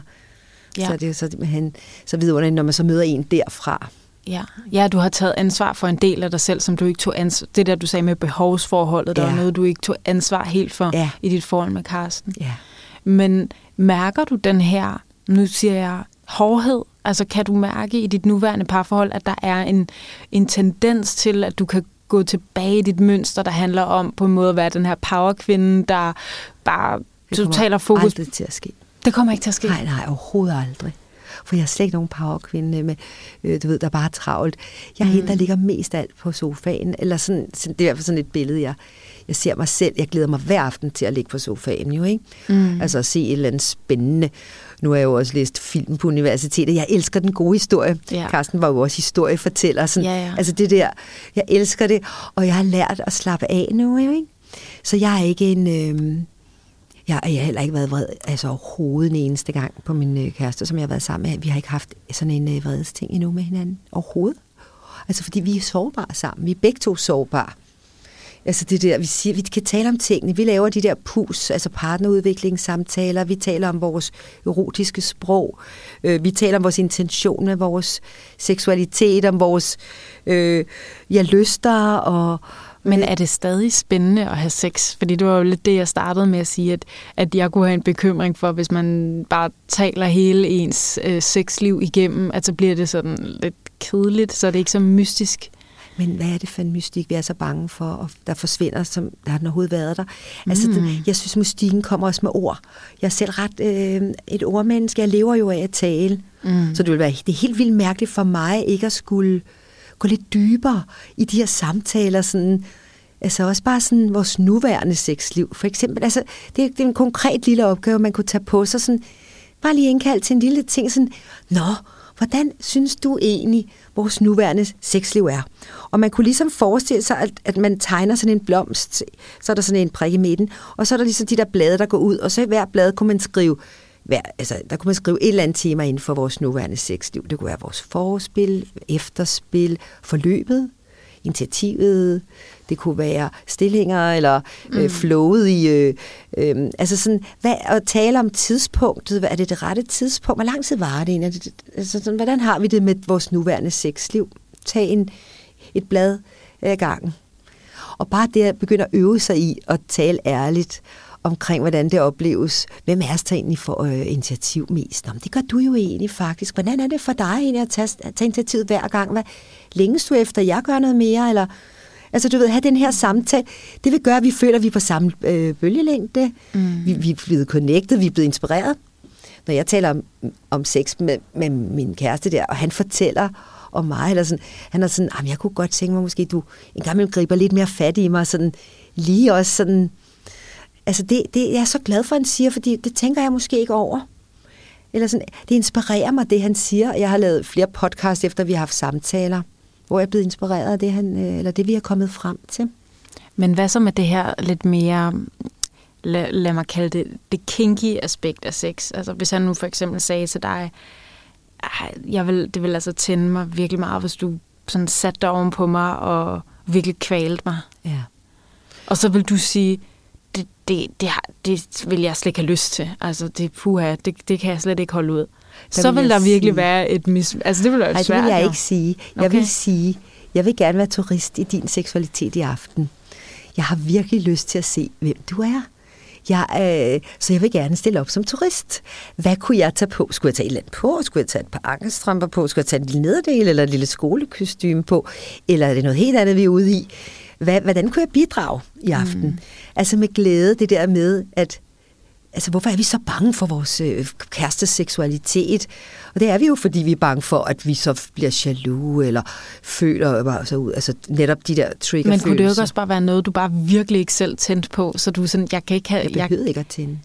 Ah, så man kunne... turist behøver jeg jo ikke at tænde. Okay. Og jeg ved, jeg ville jo sikkert synes, det var skide sjovt, fordi man, øh, som turist er man jo meget åben. Man har kamera på maven, og man har kigger, og man er sådan, nej, hvor er det spændende. Skal vi gå ind i den der kirke? Jamen, jeg er altså ikke religiøs, jeg gør så ikke nogen. Det siger man jo ikke, når man er en tur i Rom. Nej. så går man jo stadigvæk ind i den katolske kirke jo, ikke? Mm. Altså sådan, det der, jeg vil sige det sådan, ej, hvor er det spændende. Ej, hvor jeg får lov til at, altså tænder, vil du have lyst til i aften, at jeg prøver at putte mine hænder rundt om din hals? Altså, er det virkelig det, du godt kunne tænke dig, at jeg gør? Vil du guide mig undervejs? Altså, vil du fortælle mig, hvis det bliver for hårdt? Har, har vi men, kodeord, ja. har jeg hørt, man skal have, ikke? Mm, ja, ja. Og sådan noget der. Jeg, jeg tror, jeg synes, det var spændende, men i morgen er jeg jo i min egen seksualitet igen. Ja. Fordi man ved jo selv, hvad for en seksualitet man har, hvis man er bevidst. Fordi hvis man er pleaser, så vil man tænke, man har alle seksualiteter i verden jo. Ja. Fordi, men det er, har man ikke. Altså ikke, ikke samtidig. Altså vi kan godt flow videre i vores, du ved, ændre os lidt. Men det er jo ikke sådan, at vi sådan, har alle seksualiteter kørende på 100% øh, lige nu. Nej, men jeg, det jeg bare ser for mig, altså jeg sidder, synes, jeg har været meget i den der samtale, meget sådan kigget på alle problemerne, men ja, det, er godt. det, det bliver lige mig i dag. Det altså super. det her med, hvis, hvis, samtalen, hvis, hvis samtalen hver uge, man så har i sin øh, evalueringssamtale med sin kæreste, er, du ved, helt hårdt sat op. Den ene parti, jeg vil gerne have mere af den her slags sex, og den anden parti, ja, jeg vil gerne have mere af den her slags, og de to er bare totalt forskellige. Hvad gør man så? Jamen, det her, der lyder det lidt som om, at de vil have noget. Altså virkelig mm. vil have noget af den anden. Ja. Jamen, jeg vil have det der, jeg vil have, du skal give mig det der, og jeg vil have. Og så længe vi vil have så meget, have noget af den anden, så er vi ikke kommet særlig langt i vores seksualitet. Altså hvis vi kan tale noget om seksuel udvikling. Og, og hvordan kan man så udvikle sin seksualitet? Ja, man kan udvikle det ved at lære at nyde mere. Ved at tage mere øh, ansvar for at give sig selv det også. For eksempel det der med ikke at altid have det samme mål. Altså at komme. Det er jo det, et mål for de fleste. Så er vi jo ikke til stede i nuet. Så er vi jo ude i fremtiden. Jeg skal jo derhen. Det vil sige, når jeg har et, allerede en plan med, at jeg skal derhen og få den her orgasme, så er der også en dagsorden, jeg bruger, som jeg plejer at bruge til at nå det selv samme mål, jo, ikke? Og så er man jo ikke rigtig til stede i nydelsen. Så vil man hen mod nydelsen. Men det der med at være i nydelsen, det der med at lære og kan man sige, røre ved sig selv i stedet for en af vores partner. Altså en gang imellem, så er det bedre, at man bliver hjemme ved sig selv og sørger for, at erotikken kan ske, hvis jeg trykker mig selv lidt der på Venusbjerget for eksempel, sådan, så det føles bedre det hele, eller lige åbner lidt mere for kønslæberne, du ved, sådan, så ting er muligt, eller lige gør jeg røre med mine egne bryster, eller gør sådan, sådan så at herover der kører jeg godt. Altså, du ved, sådan, mm. der er ansvar, man tager ansvar mm. for sin egen nydelse, og det gør han også, eller hun også. Og så er det, at så sammen, og så er der, og så er der andre tider, hvor, når nu kan jeg godt gøre noget for dig, og være over i dig. Det betyder så, at jeg ikke er helt hjemme i mig selv fordi mm. jeg er mm. over dig og gør noget for og dig. turist. Ja, nu er jeg lige over at give dig et eller andet. Ja. Altså bare lige fem minutter og noget, ikke? Og så er det måske også den anden vej. Men det der med, at vi lærer at nyde selv og mærke vores krop, at være i nydelsen. Altså mine første fem år, for eksempel med en kæreste, Jakob, Jakob jeg var kæreste med. Da du var helt ung, eller hvad? Ja, for jeg var 13 lå vi har øvet os i at lave tungekys, så lavede vi lidt petting, du ved, indtil okay. vi var 15. Og øh, han var musiker, han døde desværre sidste år, no. som 60-årig. Øh, men vi, var, øh, vi lå jo nød. Vi, lå jo, vi lærte jo det der petting og tungekys allerede. Du ved, jeg kørte ud til ham i, i Bagsvær, boede i Søborg, sådan på cykel, sådan, ud i sådan ulet hår øh, hjem igen. Altså sådan ud at lære at kysse, ud at lære at pette, kæle, ikke? Og, og det der, vi har aldrig nogensinde, da vi så begyndte at gå i seng med hinanden, da vi var 15, der aldrig nogen tale. Vi talte aldrig om orgasme. Vi talte aldrig om at komme. Vi talte ikke om de der ting, vi nød. Vi, vi, vi fortsatte bare, nu var det bare med penetration, men det var det samme. Altså, vi fortsatte bare ind i det der nydelsesflow, uden det egentlig handlede om noget peak. Og, og i dag er jeg simpelthen så lykkelig for, at jeg synes, det var så stort. Og fordi det var egentlig bare det jo. Der var aldrig det der med, skal jeg lige filtre til en klitorisk orgasme? Mm. Det var der, der aldrig. Det skete ikke. Eller det, det, det, sådan, jeg kunne godt med mig selv, når jeg var alene, men jeg satte det egentlig aldrig sammen med, øhm, med erotikken, fordi jeg synes, den var så stor slå i sig selv. Mm. Så det var aldrig noget med sådan at file eller få orgasme i virkeligheden. Ja. Altså få de der klitorisorgasmer i virkeligheden dengang. Det var bare sådan orgastisk. Ja. En stor orgasme var man. Nydelse, og Nydelse nysgerrighed. Og ja, nysgerrighed også på hinanden, ja. lyder det meget som om. Ja. Så nysgerrig på det rum, man kan skabe med sin partner, der ikke er så resultatorienteret. Ja, det er så bliver, øh, ved jeg det, så møder jeg så en, jeg, jeg jeg mødte så en i et år, jeg kendt, siden jeg var barn. Jeg boede i går med ham, og der, der, der oplevede jeg at få en orgasme. Øhm, og, og, han gav mig faktisk også de der Hyde-reporten. Øh, sådan var, der var den store uh, Hyde-report i USA, hvor at tusinder kvinder skrev, hvordan i den her bog, hvordan de fik orgasme. Og det, jeg læste wow. det der, det var alle de der forskellige måder, man kunne få orgasme på. Ikke? Han var meget sådan en, der sådan gav mig sådan nogle seks bøger, ham der. Okay. Og da jeg så, øh, hvad hedder det, og så møder jeg så den, han er mig sammen et år, og så møder jeg så den, jeg er sammen med i lang tid.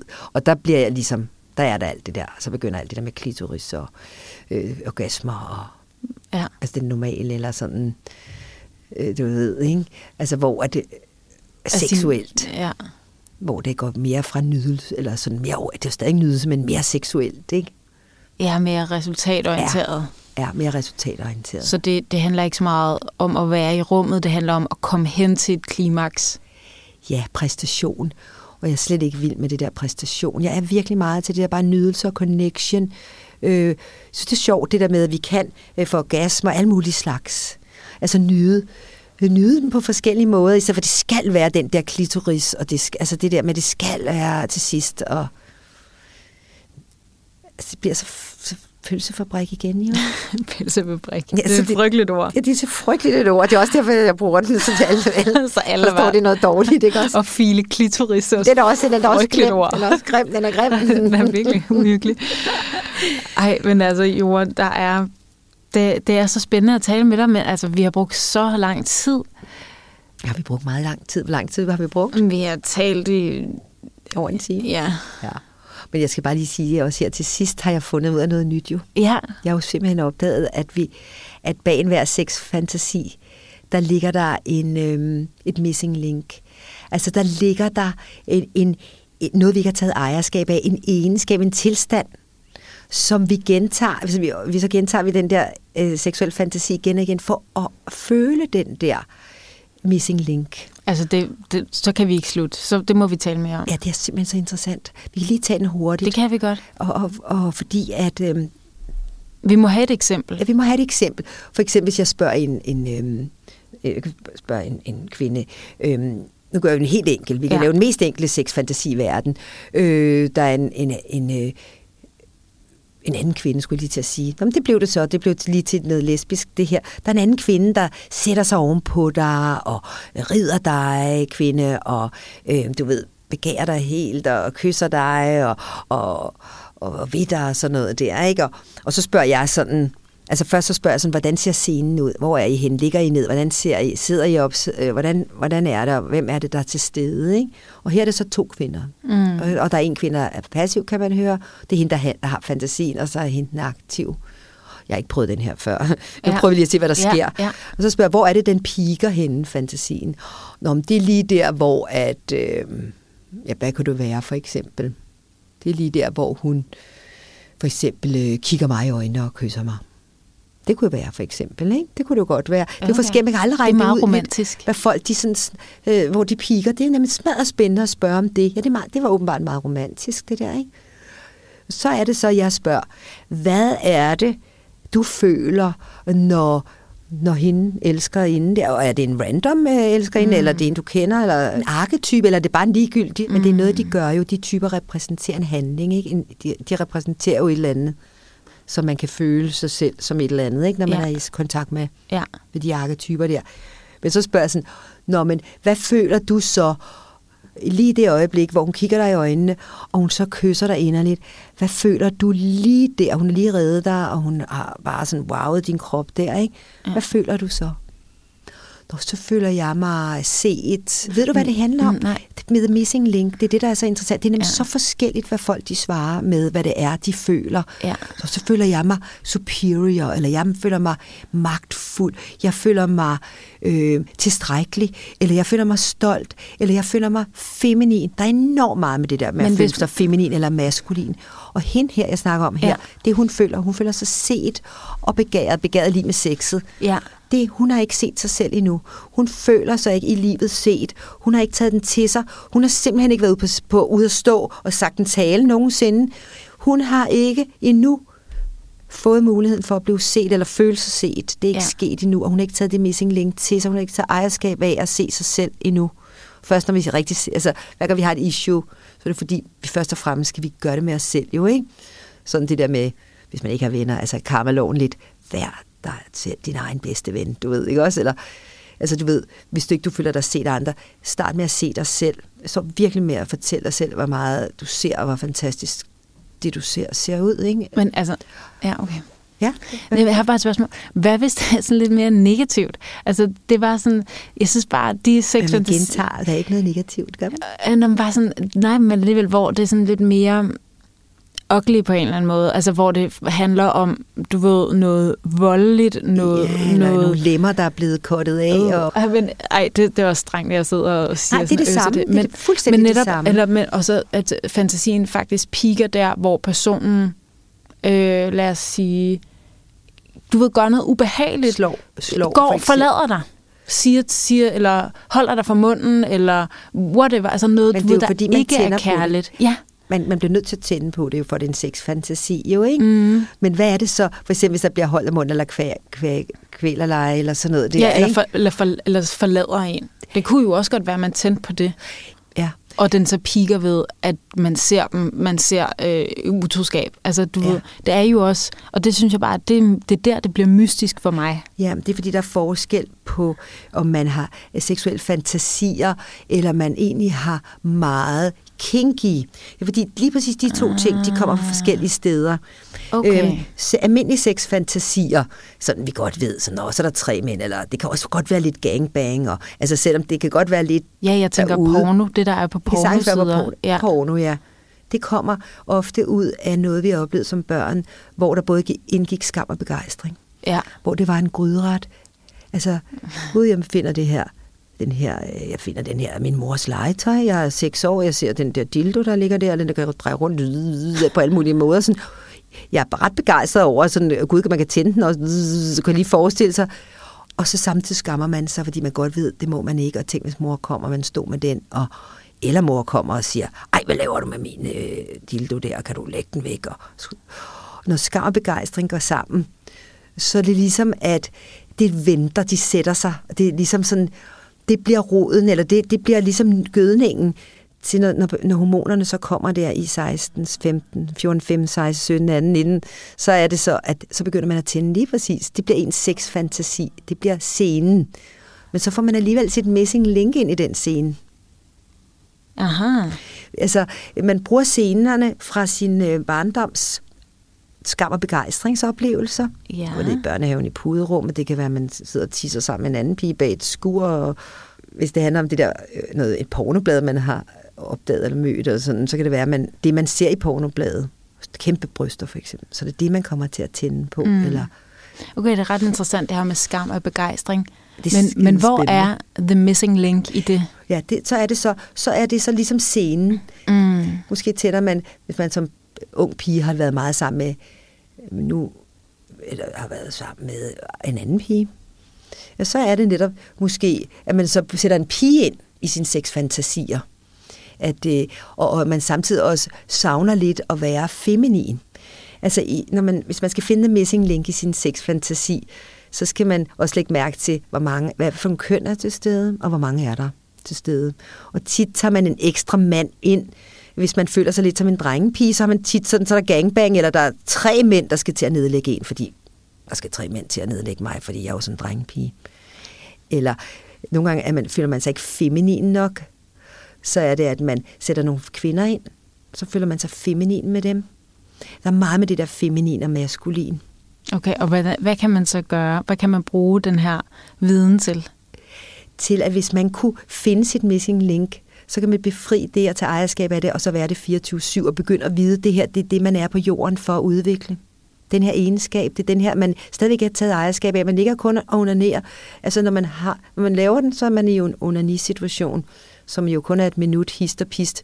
Man kan tage ejerskab af den hele sit liv, 24-7. Det er det, der gør, at man går ud på en for eksempel scene og kommer med sit budskab, eller laver den her podcast, eller at man får skrevet den bog, eller man får gå hen til det, til den jobsamtale. Altså det der med, at man befrier, eller man, man dyrker det, som er virkelig, virkelig vigtigt for en at opleve og føle. Tænk, man kan få en orgasme ved at mærke det der, ved at føle det der. Ja, Jeg, tror, altså, jeg må faktisk være ærlig sige, jeg tror også ikke helt, jeg forstår det endnu. Nej, okay. Lad os altså, tage en, fordi øh, fordi jeg, jeg har lidt svært ved for eksempel... Altså det der, jeg synes det er spændende, det der du siger med skam og begejstring, men jeg det er en kan, anden ting. det, det, det er fordi, jeg blander noget sammen, ja, det er, som vi fordi skal blande sammen. Vi blander det sammen. Det vil sige, hvor kommer vores seksuelle fantasier fra? Ja. De kommer for eksempel fra den der øh, øh, skam og begejstring, da Ja. vi var børn. Ja. De kan også komme ud af der, dagligdags oplevelser, eller du ved, vi har lige haft et samleje med kæresten, og så gentager vi det. Men ellers kommer de der, vores grundfantasier, de kommer fra skam og begejstring, øh, boksen. Mm. Så er der et andet sted, vi også får sexfantasier fra. Det er der, hvor vi har fået for meget, da vi var børn. Det er der, hvor vi, det, det er det kinky, der foregår her. Mm. Det er en anden kasse, vi åbner her. Okay, fået Det- for meget af. Det, vi fik for meget af, da vi var børn, det er det, der bliver til kinky. ja, for eksempel fik for meget. Tæv. For meget dominans, for mange regler, for meget krav, for mange skoleskift, for meget dysfunktion, for meget af forskellige ting. Det er det, der går Okay. hen og bliver til kinky. Tit. Okay, Det kan okay. også være lidt for lidt. Også noget af det, der kommer lidt i for lidt kassen. Men grundlæggende er det, der er i for lidt kassen hos os, det er det, vi, vi øhm, der bliver vores kærligheds, en af de fem kærlighedssprog. Mm. og som bliver det, som vi forventer af vores partner, uden og vi taler med vores partner om det. Altså det, vi fik for lidt af vores forældre, det er det nu, vi forventer, at vores partner skal give os. Mm. Uden vi ligesom taler om, prøv at høre, jeg har fået for lidt af det, jeg forventer ubevidst, at du nu giver mig det. Mm. Og så får vi ballade, fordi det ved vi jo ikke, at der ligger sådan en kontrakt. Okay. Jeg tror, der er, jeg tror, der er nogle ting, jeg godt forstår nu, og så kommer det jo helt, helt tilbage til det, jeg sagde i starten med, hvordan kan man overhovedet være bevidst om sin seksualitet, Ja. og hvad er det overhovedet muligt? Ja. Ja. Det er jo så det, det drejer sig om, at blive bevidst om, hvorfor craver jeg det her, hvorfor tænder jeg på det her, hvad er Ja. det, og så ligesom altså, give det til sig selv hele tiden, i stedet for at nogen, oh, jeg skal finde en partner, der kan give det her til mig i vores øh, sexliv. Ja, eller hvis man kender sin egen seksualitet, altså, så så er det jo bedst, at vi har en, der har lidt den samme seksualitet. Ja. Jo, ikke også? Jo. Og grundlæggende kan vi sige, at der er nogle forskellige energier, eller der er nogle forskellige steder, hvorfra vi har vores seksualitet. Mm. Sexfantasier for eksempel, de kommer fra tanken, de kommer fra hjernen, de mentale. Og når vi siger, at han er mest, øh, han tænker med pikken, så er det det, man mener med, at seksualiteten sidder op i hovedet. Altså så bliver det hovedpik, eller hovedkusse, eller mm. hovedjoni, mm. hvad vi nu kalder. Mm. Så er der en anden, så er der den seksualitet, der kommer fra kroppen. Altså krop og sanselighed, det er egentlig huden, Ja. der er i spil der. Der kommer man egentlig lidt fra huden af. Så har vi polaritet. Det er en energi. Det er ligesom flørt. Det er jo, der kan man jo sende energi fra den ene side af rummet til den anden. Eller den energi, der er i tango. Altså energien mellem det maskuline og det feminine. Det er jo en energi, man, man øh, øh, tænder på. Ja.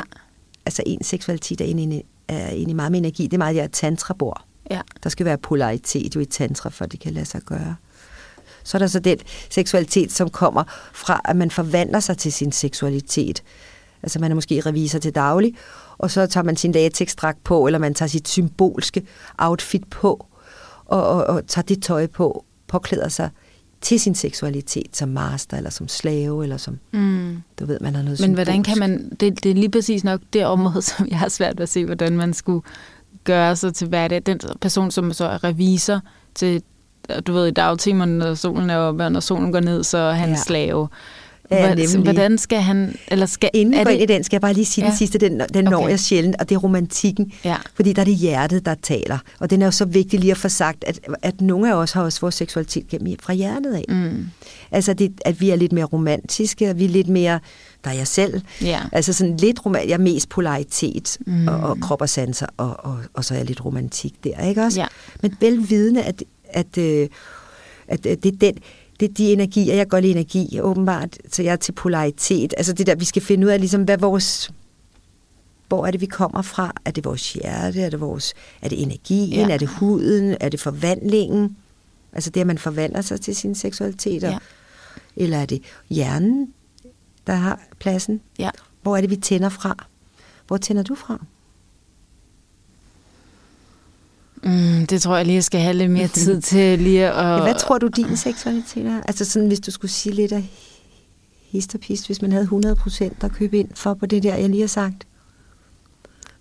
Hvor er det så, synes du, at, at du er henne? Jeg ved godt, du har du været single i et stykke tid, jo ikke også? Mm, jo. Så det er svært at vide.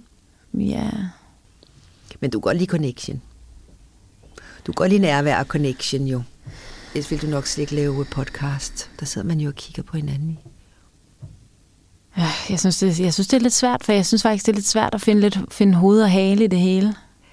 Ja, og det er også der, og tit bliver seksualitet, det er jo også derfor, vi laver den der øh, færgeruten fra Gæsser til Rostock igen, på de seks minutter, fordi vi, fordi det kræver lidt arbejde, det der med at have et sexliv, jo ikke? Mm. Altså lidt samtale og lidt udvikling. Vi er jo tilbage til stumfilmtiden. I, vi samtaler jo ikke om sex i parforholdene. Mm. Vi er virkelig tilbage til der, hvor vi laver det i tavshed. Mm.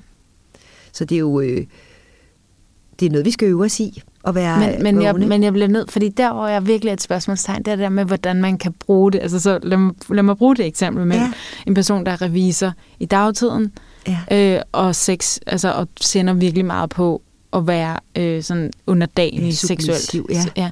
Hvad, vil du så sige, der er en ubalance, du bliver nødt til at være mere submissiv i det daglige, eller vil du sige, det er så godt, at du får afløb for det i dit sexliv? Hvad, hvad vil du sige? Ja, ja, det her det er ikke the missing link jo. Nej, Det nej. her, det er jo bare det er fantastisk at have en seksualitet, ikke også? Og det okay. han vil jo bare glæde sig til, og det er jo så fantastisk netop at være Nå. kinky, fordi der gør man jo rigtig meget ud af, af detaljen. Der har man også tit et dark room, eller et, Præcis. ved, Okay, så det skal ikke forløses. Nej, eller det skal gerne forløse. Altså seksualitet er jo godt at ud, øh, forløse Ja. og udleve, og på alle mulige måder Ja. være i det der vidunderlige Ja. ja. øhm, Okay. sted, vi kan være, ikke? Så det er ikke... Okay, ja, jeg tror... Sorry, hvis jeg er lidt tungnem. Jeg tror godt, jeg forstår det nu, så der er bare et, et split.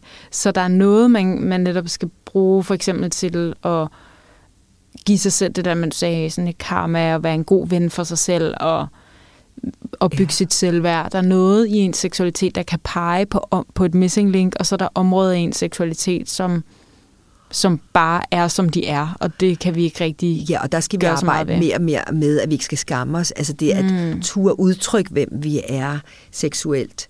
For eksempel i dag har mænd utrolig meget skam på deres seksualitet på grund af porno. Mm. Altså det der med, hvad de ser, eller hvad man ser på, på, øh, på porno, det skammer mænd så enormt over. Og når der er skam, så er der også afstand. Det vil sige, så kommer vi aldrig rigtig tæt. Mm. Du ved, så vil vi altid have lidt angst for afsløring, og, og altså skammen, den laver en enorm disconnection imellem os. Ja. Så det er så vigtigt, at den seksualitet, vi har, at vi så arbejder med en accept rundt om den, og helst med vores partner. Altså det der med netop, at partner synes også, bare, det er bare for sjovt at høre om det her. Jeg er bare vild med, når du fortæller om den, og jeg vil gerne være, være turist i den. Altså det der, at vi skal ikke skamme os hver især over, hvem vi er, og hvad vi længes efter. Okay, det er dejligt. Men tror du ikke selv, at du er lidt øh, krop- og sanselig? Eller tror du, du er lidt mere sådan øh, mental? Eller er du lidt mere med energi, Månsko? Eller er du lidt romantiker egentlig? Du er i hvert fald lidt 70'er romantiker. Det, den har vi gennemskuddet. Anna Sofia, jo, du er. Du er 70'er pige med langt øh, løst hår og batikbluse og cowboybukser med lidt hvid i, eller hvad? Ja, ja. Ja, hvad lavede vi i 70'erne? Der var jeg jo ung. Det var jo der med at ligge og pette, som det hed dengang. Petting, Ja. ja. tungekysse, læste vi unge og, øhm, og sådan noget. Det handlede også om sex og, og sexbrevkasser og sådan noget der, ikke? Jo. Noget med at danse sammen og connecte der og være kropslig. Det var meget Ja. sådan kropsligt. Ja. Og der startede pornoen, var jo kun lige startet, og det var sådan humorporno, der var dengang. Nå ja, uha. Så det handlede meget om det der med at være kropslig og være Jeg, nøgen. jeg må i hvert fald, jeg, jeg kan godt afsløre, at jeg er ret, jeg, jeg tror faktisk godt, man kan sige, at jeg er lidt bange for porno. Og det skræmmer mig at tænke på, øh, hvor mange mennesker, der, der, der, der ser det. Jeg synes, det er så voldeligt, og jeg synes, det er så uhyggeligt. så det, men, men det er jo en helt anden snak. Det, jeg synes, det, Ja. det skræmmer mig bare. Men, så jeg synes det er også, det smukt, det der du siger med, jamen, det skal vi ikke skamme os over. At så hvis jeg møder en partner, som er glad for at se, se porno, så ligesom sige, det er helt okay, skat. Så det tror det jeg, der vil synes var svært. Altså det der med, at øh, hvad ser du? Altså, vær nysgerrig på, hvad ser, hvad ser du på Ja, jeg tænder på at se en kvinde blive kvalt og bollet i røven af tre mænd. Altså, Ja, det der var er jeg sådan, nået til. Jeg har set porno nu i 15 år, hvis, han, hvis der var en, der sagde det der. Så er det fordi, hvis, hvis, det var, hvis man var kommet dertil, hvor du er, så er det en, der har set det i mange, mange år. Ja, og det skræmmer mig så meget, fordi der, der er jeg sådan, okay, det, der, er noget, der er noget der, som ikke er så rart, Ja, ja. og som ja. er meget voldeligt og misogynt. Ja, og der er det jo netop også forskelligt. Sex er jo mangfoldigt, og det er jo også derfor, det er jo, du har måske en lidt mere uskyldig seksualitet, ikke også?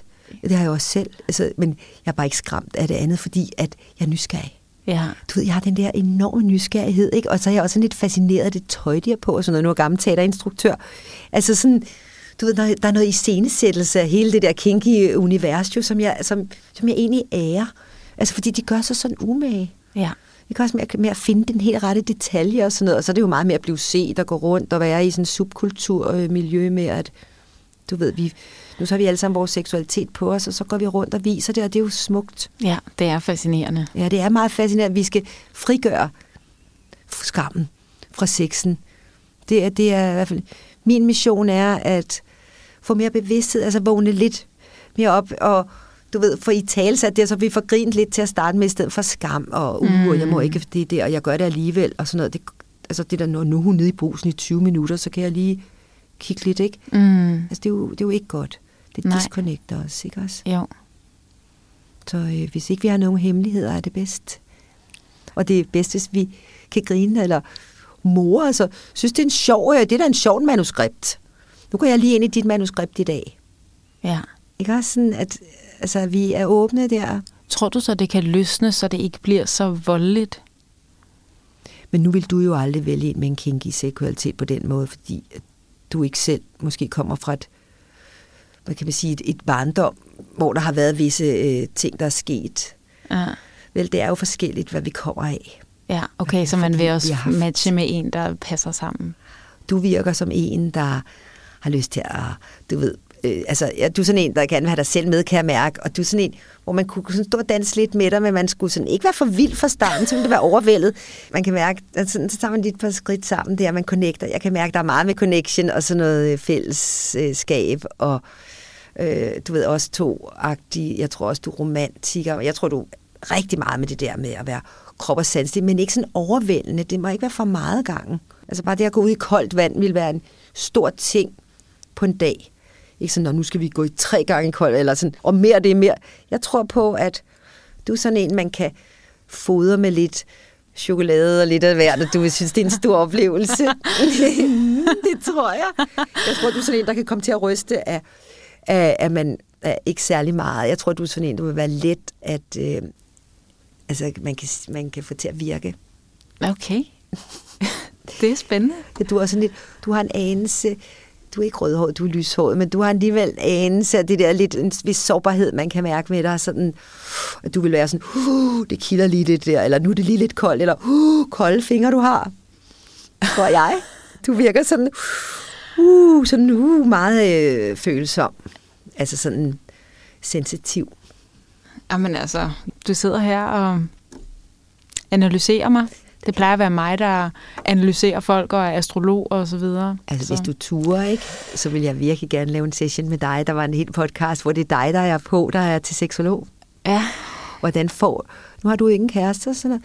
Det kunne jo være spændende også det der med, hvordan får man en kæreste? Hvordan vil du... Hvad vil være den rette til dig?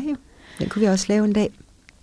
det kunne vi godt. Altså, jeg ved ikke, jeg synes også, jeg er meget på, øh, hvad kan man sige, den sådan eksistentielle vogn, hvor jeg også er meget sådan, hvad er det gode liv? Hvad er mening med livet? Så der tænker jeg også det der med at tage for givet, at det gode liv indebærer en partner. Der, der er jeg også lidt i tvivl. Altså, ja, så, sikkert. så, så der er, men så, Det indebærer så, også en partner. Altså, altså det der med en gang imellem uden, en gang imellem med. ja, altså, og, og så, du ved, også det meget sådan spirituelle og skæbneagtige, også det der med at altså, læne mig lidt ind i livet, i stedet for at øh, ville, sådan, jeg vil have en partner, jeg vil have et hus, jeg vil have en bil. Altså det er sådan, godt, du ikke er i behov, i de der behov. Det kan du Ja. give dig selv. Ja, Så kan det være mere præcis. lyst og leg. Ja, Fordi det er præcis. jo alle mennesker, der skal spørge sig selv. Og jeg har jo også prøvet at se alle de parforhold, jeg har, har, har haft i de her 63 år, jeg er, ikke? Ja. Så det der sådan, Nå, her var det lyst, her var det behov. Ja. Og jeg kan se, hver gang jeg har haft behovsforhold, så er det gået mindre godt. Ja, men helt sikkert, det har også fået mig til at tænke over øh, tidligere forhold med behov. Oh my god, der har ja. det virkelig været meget sådan, jeg vil have en kæreste, som skal give mig det og det ja, og det. Ja, nemlig, hvad er det, du vil have? Jeg vil gerne det, jeg vil gerne det, jeg vil gerne det. Altså en eller anden dag, men også sådan en, det der, vi har hjælpeløshed, sådan en, ja. åh, sådan red mig, jeg vil have en kæreste, som kan, som kan... Se mig, som ikke ser mig selv. Ja, præcis. Mm. Så, så jeg, jeg, synes, det, jeg synes, det er mega spændende at tale med dig. Det kan være, at vi skal lave flere podcast. Ja, vi kunne også lave om The Missing Link og dine sexfantasier, ikke? ja. Tusind jeg håber ikke, at det har været for forvirrende. Nej, ej, det håber jeg heller ikke. Jeg håber, jeg har i hvert fald nyt ekstremt meget at tale med dig, Johan. Ja, og det er også godt med lidt kaos til sidst.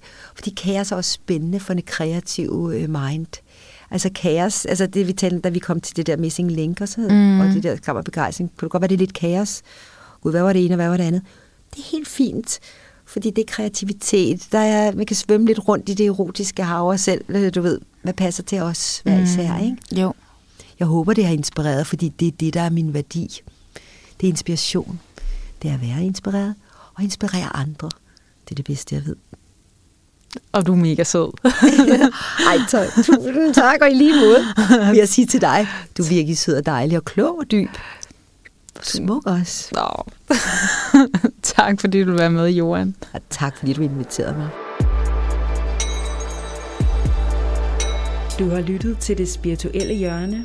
Mit navn det er Anna Sofia Petri, og hvis du kan lide podcasten, kan du give den et like, et følg eller en håndfuld stjerner her i din podcast-app. Og hvis du kender nogen, som du tror vil kunne lide at høre det spirituelle hjørne, så husk at sige det videre.